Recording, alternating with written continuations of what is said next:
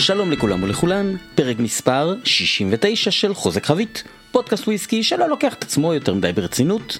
אני רוצה להתחיל את הפרק הזה בלספר שבתערוכת וויסקי לייב הקרובה שתיערך בשישה ובשבעה לספטמבר, חודש הבא, אני כמובן אהיה באזור של גלנפידיך, אז אתם כמובן מוזמנים לבוא להגיד לי שלום. אה, אני גם אנחה כנראה סדנה אחת, אולי אפילו שתיים של גלנפידיך, אז אם עוד לא הייתם בסדנה שכזו, אז אה, זו בהחלט הזדמנות טובה להצטרף. פרטים לגבי תאריך או תאריכים ושעות יהיו בהמשך באתר הרשמי של התערוכה, שם גם תיערך ההרשמה. בנוסף לזה, אני שמח לספר ולשתף שהמשלוח הבא של ריגר סלקשן יגיע כנראה בסוף חודש ספטמבר, אולי אפילו באמצעו, אבל כנראה שבסופו. כמו שאני מכיר את החיים, בתחילת אוקטובר, בכל אופן, פרטים נוספים יהיו בהמשך. אבל הוא כולל ארדמור ב finish אמרונה וזה כל מה שאני רוצה בחיים האלה וכמובן כמה סוגים נוספים של רום ארטזנל. דבר נוסף, בזמן האחרון יש יותר ויותר מאזינים ומאזינות שפונים אליי ומציעים לשלוח לי sample של משהו, של איזשהו וויסקי שהם קנו ולכן אני רוצה לומר שמהפרק הבא אני אתחיל לציין בפינת עומף תואם אה, מאזינים ששלחו לי סמפל של משהו שאני מדבר עליו כי זה ממש ממש כיף ותודה רבה אני ממש ממש מעריך את זה יש הרבה כאלה ששולחים לי הודעה שהם רכשו וויסקי שדיברתי עליו בפינת עומף תואם ויש כאלה שקונים וויסקי ופשוט רוצים לשתף אותי או לחלוק איתי את הבקבוק אז אתם מוזמנים בשמחה לעשות את זה מה שאני לא מבטיח זה מתי אני אטעם. אז בבקשה, אם שלחתם אליי סמפל, אני מכם היו סבלניים, אני לשמחתי הרבה מאוד עסוק. אה, אחרת אה, אם לא הייתי עסוק היו עוד איזה שני פרקים בשבוע, אה? זהו, יאללה, בואו נתחיל.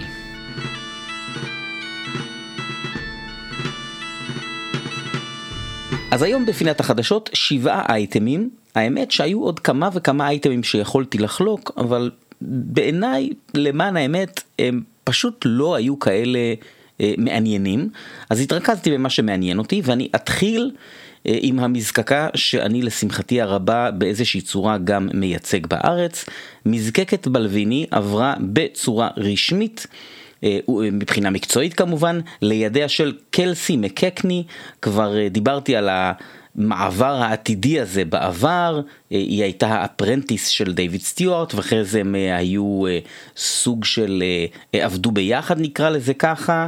ועכשיו המעבר הזה הוא רשמי, קלסי היא ה malt master היחידה של המזקקה, דיוויד סטיוארט עובר לאיזה מין אה, תפקיד ייצוגי שכזה, אה, אז בגלל שכבר סיפרתי על כל זה, למעשה האייטם הזה מוקדש יותר לביטוי החדש שהושק יחד עם ההודעה הזו, שהוא עוד בקבוק בסדרה של ה stories של בלוויני, אני חושב לפי הספירה שלי שהבקבוק הזה הוא ה story ה-11, story מספר 11, והוא פרויקט שהוא 100% של קלסי, שמו הוא A Revelation of Cask and Character, וזה נוזל מאוד מאוד טעים שמיושן 19 שנים בחביות שרי אולורוסו בלבד, הוא בוקבק בחוזק של 47.5%, והמחיר לצרכן יהיה מעט יותר מ-300 פאונד. היה לי התענוג הגדול אה, לטעום אותו בחוזק טיפה יותר גבוה ב-50% בארוחת ערב עם קלסי כשביקרתי במזקקה בסוף השנה שעברה. ומה אני אגיד לכם? הוא פשוט טעים בשיגעון אין מה לעשות בלוויני בשרי זה פשוט נוזל אדיר. זהו, אני עובר הלאה לשכנים מהספייסייד. מזקקת גלנליבט מוציאה מהדורה שלמרות שלא נכתב עליה, נראה שמדובר בחבית בודדה, אני אפילו לא בטוח שזאת חבית שלמה, תגידו לי אתם מה אתם חושבים.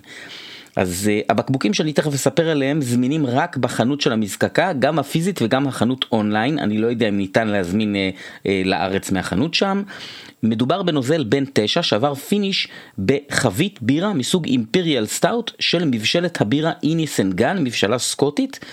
הוא מבוקבק בחוזק החבית 57.8% אלכוהול ויש סך הכל 216 בקבוקי חצי ליטר, כלומר זה יוצא 108 ליטר זה פחות מ quarter cask.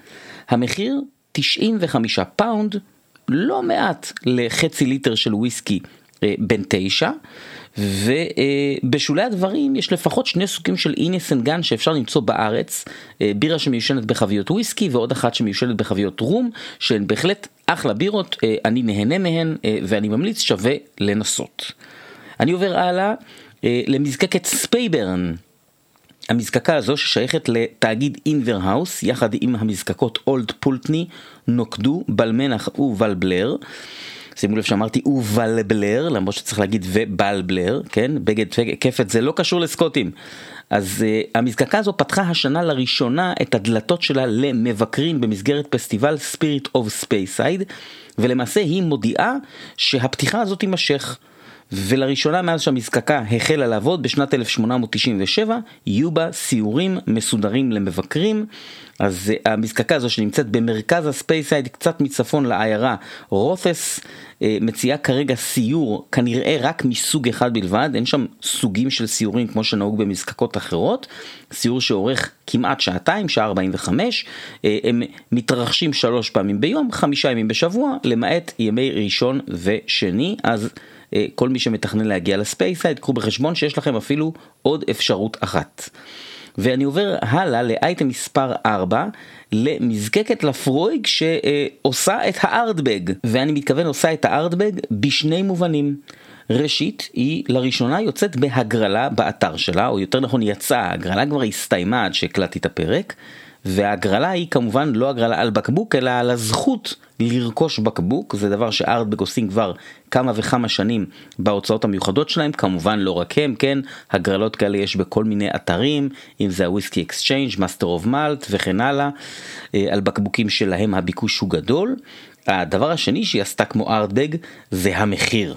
אוקיי? עכשיו לפני זה מה בעצם הציעו שם במזקקה, בהגרלה הזו, אז מה שהם הציעו זה בקבוק של חבית בודדה בת 17, ב finish של white Madeira, מדרה לבנה, בשיתוף פעולה עם איזשהו שף מפורסם בשם פרנסיס מלמן או מולמן, אני לא בטוח איך מבטאים את זה, אה, זה לא באמת חשוב. בסך הכל 276 בקבוקים בחוזק של 54.9 אחוז. ואני לא יודע אם כל הבקבוקים יצאו בהגרלה הזאת, או שחלק נמכרו בהגרלה ואולי חלק יצוצו בחנויות מתמחות או באיזושהי צורה אחרת בהמשך, אבל אני בטוח שאנחנו נראה לפחות כמה מהם באוקשנים הקרובים, ומעניין לראות אם מי שרכש אותם ימכור אותם ביותר מאשר קנה אותם, מכיוון שהמחיר היה לא פחות מ-650 יורו. אה, וזה חברים בעיניי מופרע לחלוטין, וכמובן שזכותו של כל אדם וכל חברה לשלם או למכור באיזה מחיר שהם ירצו, אין לי שום טענה ללפרויג, אני חושב שהשוק הוא השוק, זה מה שזה, ואם הם הצליחו למכור את כל הבקבוקים שהם רצו למכור במחיר הזה, אז כל הכבוד להם. מה שאני כן חושב, זה שדברים בסגנון הזה, בסופה של, בסופו של דבר, סליחה, גורמים לאנשים לפעמים לחפש את הדרמה הבא שלהם במקום אחר, במזקקה אחרת, או אצל מבקבק עצמאי, וזה יהיה מעניין לראות בעוד עשר שנים את שוק הוויסקי. האם לפרויג, אה, כדוגמה כמובן, כן? לא, לא לפרויג אה, בעצמה, אלא גם ארטבק אפשר להגיד את זה עליהם, ודרך אגב גם על בונהאבן ועוד מזקקות. אז האם הם יחליפו את הלקוחות שלהם שליוו אותם במשך שנים בצורה נאמנה יותר או פחות, בלקוחות אחרים עם כיסים יותר עמוקים, או שמא ההייפ של וויסקי, וויסקי סקוטי, מזקקות איילה, או כל קטגוריה אחרת, יוחלף בהייפ אחר כדרכו של עולם, ו Laphroaig יגלו שלקוח נאמן שעזב, לעיתים קצת קשה להחזיר. אז כמובן שאני לא מתנבא, אני לא יודע, זאת גם לא ביקורת, אני פשוט תוהה יחד איתכם, ואני גם סקרן לגבי זה כבעל עסק בתחום הזה, שמתנהג בצורה קצת שונה מבעלי עסק אחרים באותו התחום. ככה אני. זהו, בואו נעבור הלאה לאייטם מספר 5. משהו אחר ומאוד מאוד מרגש, ב-18 לחודש יולי מילאו את החבית הראשונה בזיקוק הראשון במזקקת רוזבנק בלואולנד. אלה חדשות נהדרות, הפרויקט הזה לקח המון המון זמן, ומי שלא זוכר, אני ממליץ להאזין לפינת ההיסטוריה של פרק 50, והחבית הראשונה אותה מילאו היא חבית ריפיל ברבן, וזו בעיקר הצהרת כוונות שאני מניח שלפחות חלק מחובבי הוויסקי או המאזינים יסכימו איתי לגבי הפרשנות שלה. בעיניי הפרשנות שאני נותן לאקט הזה של למלא חבית ריפיל ברבן הם בעצם באים ואומרים אנחנו כאן להרבה זמן. כלומר את החבית הראשונה של רוזבנק לא יבקבקו עוד שלוש שנים וגם לא עוד עשר שנים. עכשיו כמובן שזאת רק הנחה שלי, הם יכולים להעביר אותה לפיניש במדרה לבנה עוד כמה שנים, אבל יש לי תחושה שהם אה, לא יעשו את זה, וכמובן שאני האחרון שאפשר לחשוד בו שהוא נגד וויסקי צעיר או נגד פינישים אה, ביין או בכלל, כן, אני מייבא וויסקי בדיוק כזה, וזה יכול להיות מאוד מאוד טעים. אה, אבל אני חושב שהכוונה פה היא ליישן בטח את החבית הזאת למשך פרק זמן משמעותי.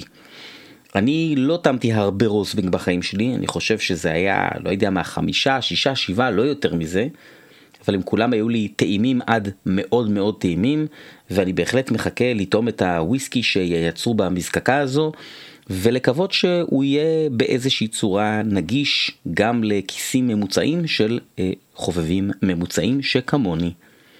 אני ממשיך הלאה לאייטם נוסף.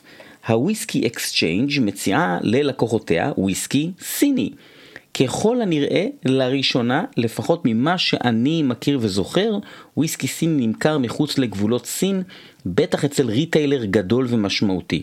זאת אומרת, אני בטוח שאפשר היה למצוא כל מיני וויסקים סינים אלה ואחרים, מוזרים יותר או פחות, מפוקחים יותר או פחות בכל מיני אה, מקומות, אבל בסופו של דבר כשה Whisky Exchange מוכרים משהו, זה אומר כנראה שני דברים. אחד, שהמוצר הזה הוא לכל הפחות מוצר סביר עם אימא ואבא, כלומר שה Exchange מוכנים לשים את השם שלהם מאחוריו למכור אותו ללקוחות שלהם. ושתיים, זה אומר שיש ביקוש הולך וגובר לוויסקי עולמי. הבקבוק הזה מגיע ממזקקה בשם גואלונג, למרות שהבנתי שכותבים גואלונג ואומרים גאולונג, אז אני לא באמת יודע, מהעיר צ'אנג שאה במחוז חונן. אני בכוונה עושה מבטא מטופש כי אני לא יודע איך אומרים את זה, אני מקווה שאני אבטא את זה נכון, צ'אנגשה, מחוז חונן, אה, במרכז סין, ולמעשה ישנם שני ביטויים של single malt, שניהם בזיקוק דודי ובני חמש שנים. האחד מיושן בחביות ex bourbon בלבד ומבוקבק ב-40% והשני מיושן בחביות ex bourbon ו ex brandy ומבוקבק ב-48%. המחיר לצרכן 53 ו-60 פאונד בהתאמה. אני יכול לומר לכם שסיור לא ארוך באתר של המזקקה הזו השאיר אותי אה, קצת מבולבל, אבל עד שאני לא אטעם את הנוזל אני בטח לא אה, אחווה את דעתי. ונעבור לאייטם האחרון, חדשות מקומיות לחובבי ה brand Mac-Talla. בקרוב מאוד אנחנו נוכל לראות בארץ את מהדורת פסטיבל איילה של Mac-Talla שיצא השנה, ה Mac-Talla PX, אשר בוקבק בחוזק של 54.6% אלכוהול. הנוזל בפנים הוא ככל הנראה Caol Ila, אבל לא קיבלתי לזה, נקרא לזה, התחייבות רשמית מבלייר מ Morrison Distillers שהתארח בפרק לא מזמן. המהדורה הזו כוללת 26 חביות אשר חלקן ביישון מלא ב-PX, חלקן רק ב finish קצר ובחלקן יש יישון כפול, זאת אומרת יישון ראשוני ב ex bourbon ואז יישון שני גם כן ב-PX באורך אה, רציני או משמעותי של לפחות שלוש שנים. בכל אופן, אה, יש כאן מגוון של גילאים, אז אין לי התחייבות להגיד לכם על הנוזל ואין לי איזשהו גיל שאני יכול לציין אז זאת אומרת אין לי באמת איזשהו נתון להביא לכם וזה לא כי לא ניסיתי אבל בכנות אני קצת מעדיף את העמימות הזאת על זה שיקשקשו לי קשקושים וינסו למכור לי שטויות אז uh, בכל אופן כמו שאתם יודעים מה שחשוב זה האם הנוזל הזה טעים או לא טעים והבקבוקים האלה יהיו זמינים בארץ ממש ממש בקרוב לא בכמות גדולה והמחיר לצרכן יהיה כ-400 שקלים באתר של סיפיל או בחנות בחנות של סיפיל בחנות שנקראת Whisky Embassy בהרצליה אני אישית כחובב ה brand הזה אני מגיש שניים מהשלושה האלה גם uh, בבר ואני מאוד אוהב את החוזק חבית אז uh, אני מחכה לטעום אותו ואני כבר הזמנתי לעצמי בקבוק אחד מראש. אז זהו חברים וחברות זו הייתה פינת החדשות ואנחנו נעבור לפינת ההיסטוריה.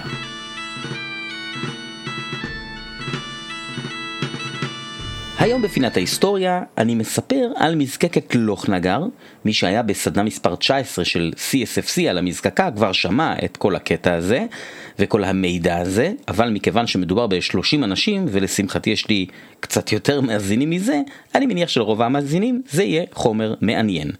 לפני שאני מתחיל בסיפור, אנחנו מדברים על אזור מרכז ההיילנד, קרוב לגבול עם הספייסייד, על גדות נהר ה-D, וסמוך להר בשם לוך נגר. כלומר, זה לא אגם, זה לא לוך נגר, אוקיי? אה, הרבה בדיחות אבא שיכולתי להכניס לפה.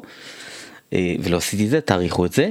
אז אה, זהו, אז זה ההר ואני מתחיל, וממש כמו שאמרתי בסדנה, תחילתה של לוכנגר המקורית או הראשונה הוא הסיפור ההפוך מתחילתה של גלן ליבט. קבלו את ג'ורג' סמית מאלי אקספרס, קוראים לו ג'יימס רוברטסון, וממש כמו ג'ורג' סמית, ג'יימס היה מהראשונים שהקימו מזקקה ברישיון ב-1823, כשזה היה מהלך אה, לא כל כך פופולרי, וממש כמו אצל מר סמית, גם אצל מר רוברטסון, השכנים, המזקקים השכנים יותר נכון, לא ממש אהבו את הרעיון הזה. והשכנים במקרה הזה גם הצליחו. אז את המזקקה המקורית של אה, מר רוברטסון שרפו, והוא הקים עוד אחת ב-1826, וגם אותה הצליחו לשרוף ב-1841. ארבע שנים לאחר מכן, ב-1845, בצד השני של הנהר, הקים ג'ון בג מזקקה בשם לוכנגר, והוא הצליח די מהר, כנראה משלוש סיבות. ראשית, כנראה שהחומר שהוא הכין פשוט היה חומר טוב, שזה כמובן, כמו שאנחנו יודעים, תנאי די בסיסי להצלחה בעולם הוויסקי. שנית, נראה שככל שעברו השנים, ההתנגדות למזקקים חוקיים מצד מזקקים לא חוקיים, פשוט באופן טבעי הלכה ופחתה. דבר שלישי, לג'ון בג שיחק המזל עם השכנים שלו. שלוש שנים לאחר שהקים את המזקקה, בשנת 1848, המלכה ויקטוריה ובעלה הנסיך אלברט רכשו אחוזה וטירה בשם בלמורל ממש ליד המזקקה. אה, כמה ליד המזקקה, בדקתי בגוגל מפס, זה 16 דקות הליכה, כן, אני לא יודע, אולי אז זה היה קצת אה, יותר, אולי הדרך לא הייתה כל כך איכותית, אבל זה, בואו נגיד שזה בהחלט לא רחוק. ודרך אגב, אם השם בלמורל מוכר לכם, אז זה בעצם המקום שבו המלכה אליזבת נפטרה לא מזמן. אז ג'ון בג עשה את המעשה הנבון, והוא הזמין את השכנים החדשים שלו לסיור במזקקה החדשה יחסית שלו ולטעימות, ובלוך נגר אוהבים לספר שזה כנראה היה הדיסטילרי טור הראשון בסקוטלנד, מה שכנראה לא באמת היה נכון, כן? אבל זה לא באמת משנה. מה שכן משנה זה שהמלכה והנסיך מאוד אהבו את מה שהם ראו, ועוד יותר אהבו את מה שהם טעמו, וכמה שבועות לאחר הביקור, ג'ון בג קיבל מכתב רשמי, שבו הוא ממונה לספק רשמי של בית המלוכה, או מה שנקרא באנגלית Royal Warrant of Appointment. בקצרה, Royal Warrant זה האלף ביקורות של חמישה כוכבים בגוגל של אז, אוקיי? להיות במקום הראשון בטריפ אדוויזר. הכי הרבה עוקבים באינסטגרם. בקיצר, הבנתם, זה למעשה היה מין תו תקן לאיכות שהוא הכי טוב שיכול להיות, כי בית המלוכה מכיר בך בתור מישהו שהוא ממש ממש טוב במה שהוא עושה. ולוכנגר הייתה המזקקה השלישית שקיבלה את ה-Royal Warrant of Appointment. אה, לפניה קיבלו אותה שתי מזקקות, רויאל ברקלה וגלנורי רויאל, שהם זכו בכבוד הזה כעשר שנים קודם לכן. ורק עוד מזקקה אחת זכתה לכבוד הזה לאחר מכן, זה קרה הרבה אחרי, ב-1994, והיא גם היחידה שלא הכניסה את המילה רויאל לשם שלה, וזוהי מזקקת לפרויג. ב-1882 נפטר ג'ון בג והוריש את המזקקה לבנו הנרי שנפטר ב-1896.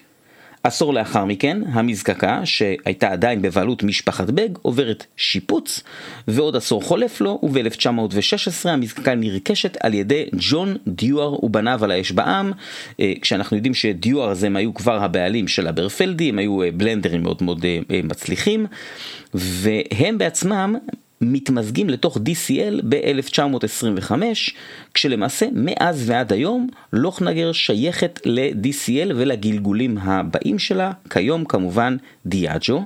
ולמעשה היא גם המזקקה הקטנה ביותר של דיאג'ו, כמעט 30 מזקקות, והיא גם המזקקה עם דודי הזיקוק הקטנים ביותר מבין כל המזקקות של דיאג'ו. הדבר האחרון המשמעותי שהתרחש במזקקה היה ב-1963, שהתרחש שיפוץ יותר רציני, ובמסגרתו גם המלדינג פלור של המזקקה יצאה משימוש והסירוע החלה להגיע מבחוץ. מבחינה טכנית, לוכנגר היא מזקקה מאוד מאוד מעניינת, שלמעשה מייצרת וויסקי שהוא באיזשהו אופן מנוגד למה שאמור לקרות בה. כלומר, אני אסביר למה אני מתכוון, אם מסתכלים על הציוד של לוכנגר, זה מאוד סביר להניח שמיוצר בה וויסקי שהוא יחסית וויסקי כבד. והאמת היא שהוויסקי שמיוצר בלוכנגר הוא יחסית וויסקי קליל ועסבוני, וכדי לייצר אותו נעשות כל מיני פעולות מעניינות. נתחיל קודם כל בתסיסה, התסיסה נעשית בוושבקס מעץ, שלושה במספר, והתסיסה היא ארוכה עד ארוכה מאוד. למעשה יש שני אורכים של תסיסה במזקקה. תסיסת אמצע השבוע, שאורכת 70 שעות, שזה כבר כשלעצמו אה, מספר די גבוה, זו תסיסה די ארוכה, ותסיסת סוף השבוע, שאורכת 120 שעות. זו ממש ממש תסיסה ארוכה, והתסיסה הזו היא חלק מהותי ביצירת הטעמים העסבוניים והירוקים של הנוזל הזה. הזיקוק מתרחש בשני דודים בלבד, יש להם רק זוג אחד של דודי זיקוק. דוד ווש בגודל של 6,700 ליטר, ודוד ספיריט ממש קטן בנפח של 3,900 ליטר בלבד. עכשיו שימו לב, דוד קטן, למי שזוכר, דיברתי על זה בטח אה, בפינות המונח השונות שקשורות לגודל של אה, דודים, המשמעות של דוד קטן זה שיש מעט מגע של נחושת עם אדי אלכוהול, זאת אומרת, התזקיק אמור על פניו להיות יותר כבד. מה עושים בלוך נגר כדי לייצר תזקיק יותר קל למרות אה, הגודל הזה או הקוטן של דודי הזיקוק שלהם? ראשית, הם מזקקים מאוד מאוד לאט. שנית, הם לא ממלאים את דודי הזיקוק למקסימום האפשרי, כלומר, תחשבו על זה, אם אתם מסתכלים על דוד זיקוק מהצד, אם אני לא ממלא עד גובה X שאני יכול למלא, אלא אני ממלא לגובה יותר נמוך, אני כאילו מעריך את הצוואר של הדוד, או שאני מגדיל את החלק שבו העדים יכולים לגעת בנחושת. אז בעצם שני הדברים הללו ביחד מייצרים יותר מגע של עדי אלכוהול עם נחושת ומייצרים תזקיק עדין יותר. עוד דבר שייחודי ללוך נגר הוא המעבים שלהם ואיך הם משתמשים בהם. בלוך נגר יש מעבים מסוג וורם טאבס ומי שלא זוכר מה זה אומר אתם יכולים לחזור לפינת המונח הרלוונטית אני מודה שאני לא זוכר באיזה פרק זה אבל מעבי וורם טאבס בעצם גם הם יוצרים פחות מגע של אדי אלכוהול ונחושת. עכשיו, על מנת לייצר בכל זאת יותר מגע שכזה, הצינורות של הנחושת בוורמטאפס ולוך נגר בעצם יושבים בתוך מיכל מים שהם חמים. כלומר, העדים לא מתעבים לנוזל מאוד מאוד מהר בגלל שהנחושת היא קרה, אלא נשארים במצר צירה של גז לאורך יותר זמן בתוך צנרת הנחושת. וכך, שוב, נוצר יותר מגע של עדים ונחושת. הניומייק של לוכנגר הוא יחסית מתון, סביב 68% אלכוהול, וסך הכל המזקקה, כאמור הקטנה ביותר בדיאג'ו, מייצרת כ-450 אלף ליטר אלכוהול בשנה. לצורך השוואה, בערך כמו קילחומן. הבקבוק הרשמי של לוכנגר, ה-12 שנה, מיוצר כבר מתחילת שנות ה-80, והוא סך הכל אחד משני הביטויים היחידים שהם core range ואת שניהם גם אפשר למצוא בארץ, שניהם בני 12 שנה.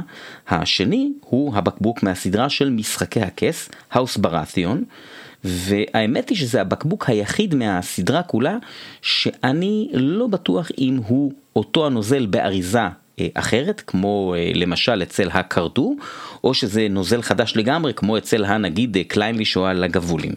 אני יכול לומר לכם שאחרי הסדנה, אני חושב שלא מדובר באותו נוזל, כי אנחנו טעמנו את שניהם, אמנם לא בטעימה השוואתית, אה, לא רציתי לעשות את זה בגלל ששמתי מולם כל פעם בקבוק בחביות אחרות, ה-Selected Reserve בשרי וה-DE שיוצר מ-2008 עד 2012 ב finish יהיה עם קינוח מוסקת, אבל מה שנראה היה גם לי וגם לפי התגובות של המשתתפים והמשתתפות, שלמרות ששני הביטויים האלה משתפ... מתיישנים, סליחה, בחביות אקס ברבן, אה, כנראה שלא מדובר באותו הרכב מבחינת מילואים, ואלה בקבוקים או נוזלים שהם לא זהים זה לזה. מעבר לזה יש כל מיני מהדורות שיוצאות מדי פעם, לדוגמה ה-16 שנה מהריליס של 2021 שזכה לביקורות מעולות בסדנה ואנשים מאוד מאוד אהבו אותו. ועוד בקבוק שזכה לשבחים ובינתיים עדיין יכולים למצוא אותו אצל דוק וויסקי הוא סינגל קאסק בן 21 שנה והוא בחוזק של 57% אה, של הנטר לנג שהיה מאוד מאוד טעים לרוב המשתתפים גם לי. אז זהו, זו הייתה פינת היסטוריה קטנה על המזקקה הקטנה ביותר של דיאג'ו, ובואו נעבור לפינת עומף תואם.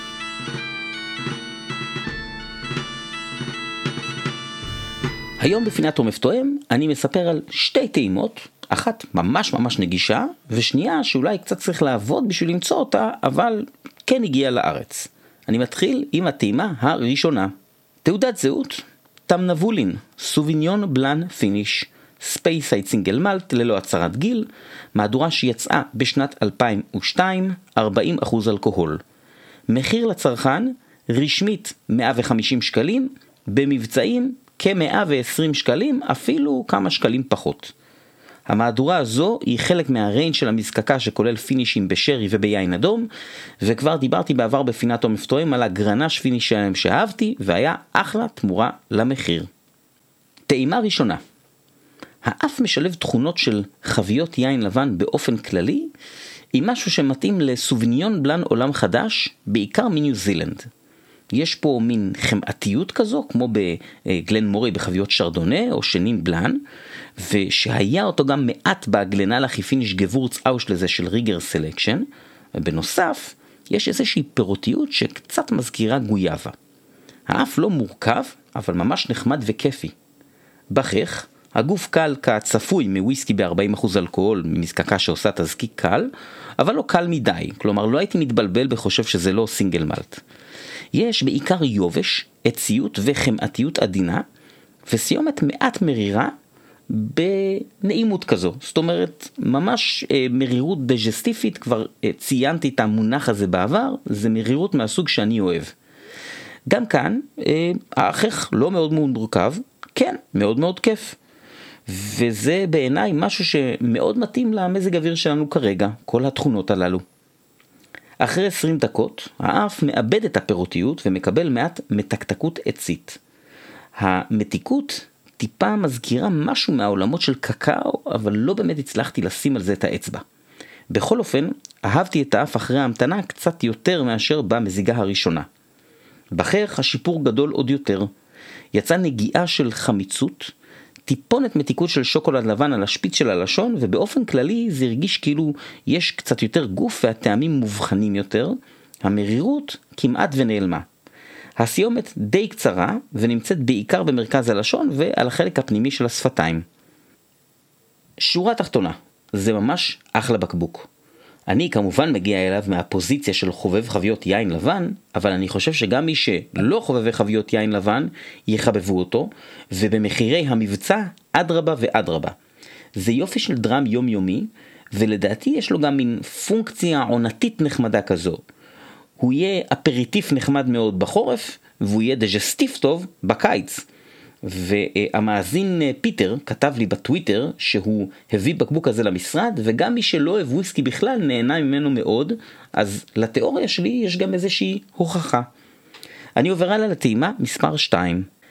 תעודת זהות Kilkerran 8 שנים Campbeltown single malt מהדורת חוזק חבית batch 7 בחביות פורט אחד משני הבאצ'ים שיצאו בשנת 2022, 57.9% חוזקו, מחירו לצרכן כשהגיע לארץ היה כ-400 שקלים, הם נחטפו די מהר באופן אה, די מובן מהמדפים, אבל יש סיכוי שעדיין תוכלו למצוא, אה, ואני חושב שגם אה, דיווחתי על זה בפינת החדשות כשזה קרה.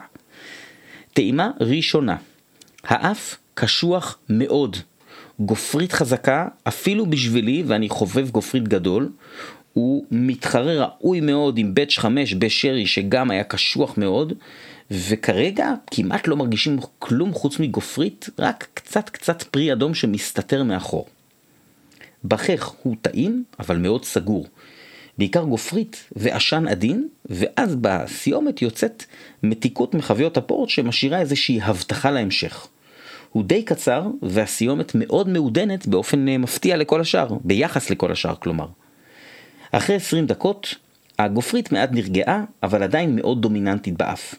בכך היא גם נרגעה, עוד יותר, וההתחלה שלו, הכניסה לפה, מקבלת טוויסט מתוק שממש מזכיר פטל או איזה מין פרי יער כזה מתוק. מתיקות שמיכה, שאחרי כמה שניות מקבלת טוויסט של גופרית ועשן. הסיומת יבשה, והפורט מורגש בה די בעדינות. שורה תחתונה, נחמד מאוד, אני עדיין בדעה שהבצ'ים הראשונים של קילקרן 8 חוזק חבית היו טובים יותר. בצ'ים 1, 2 ו-3 בברבן שהיו נהדרים, ובצ' 4 בשרי שהיה פשוט נפלא. אני די משוכנע שהבקבוק הזה ילך וישתפר, אני חושב שבמחיר של 400 שקלים גג, ובהתחשב במה שקורה בשוק הוויסקי, מחירים של קילקרן באופן כללי בעולם, זה אחלה וויסקי. אני לא חושב שהייתי משלם עליו יותר מ-400 השקלים הללו. לציין שאת בץ' 6, השמונה חוזק חבית בשרי, שגם יצא ב-2022, טרם טעמתי, אבל יש פה בקבוק בצד, ומתישהו הוא ייפתח. אז זהו חברים וחברות, זה היה פרק מספר 69, אני לא אמרתי את זה בפתיח, אני אגיד את זה עכשיו, אני מקליט אותו עם ציוד חדש שקיבלתי כמתנת יום הולדת מהדוק ומעמיתי, אז תודה רבה לדוק ולעמיתי, אני מאוד מקווה שאני מצליח לתפעל את הסיפור הזה כמו שצריך, כן, ישבתי עם עמיתי והוא הסביר לי מה לעשות, האם הוא הצליח? כן, האם אני הצלחתי להבין אותו? לא בטוח, אנחנו כולנו נגלה את זה בקרוב. אז זהו, תודה רבה לכולם, בפרק הבא, פרק 70, הפתעה. ביי!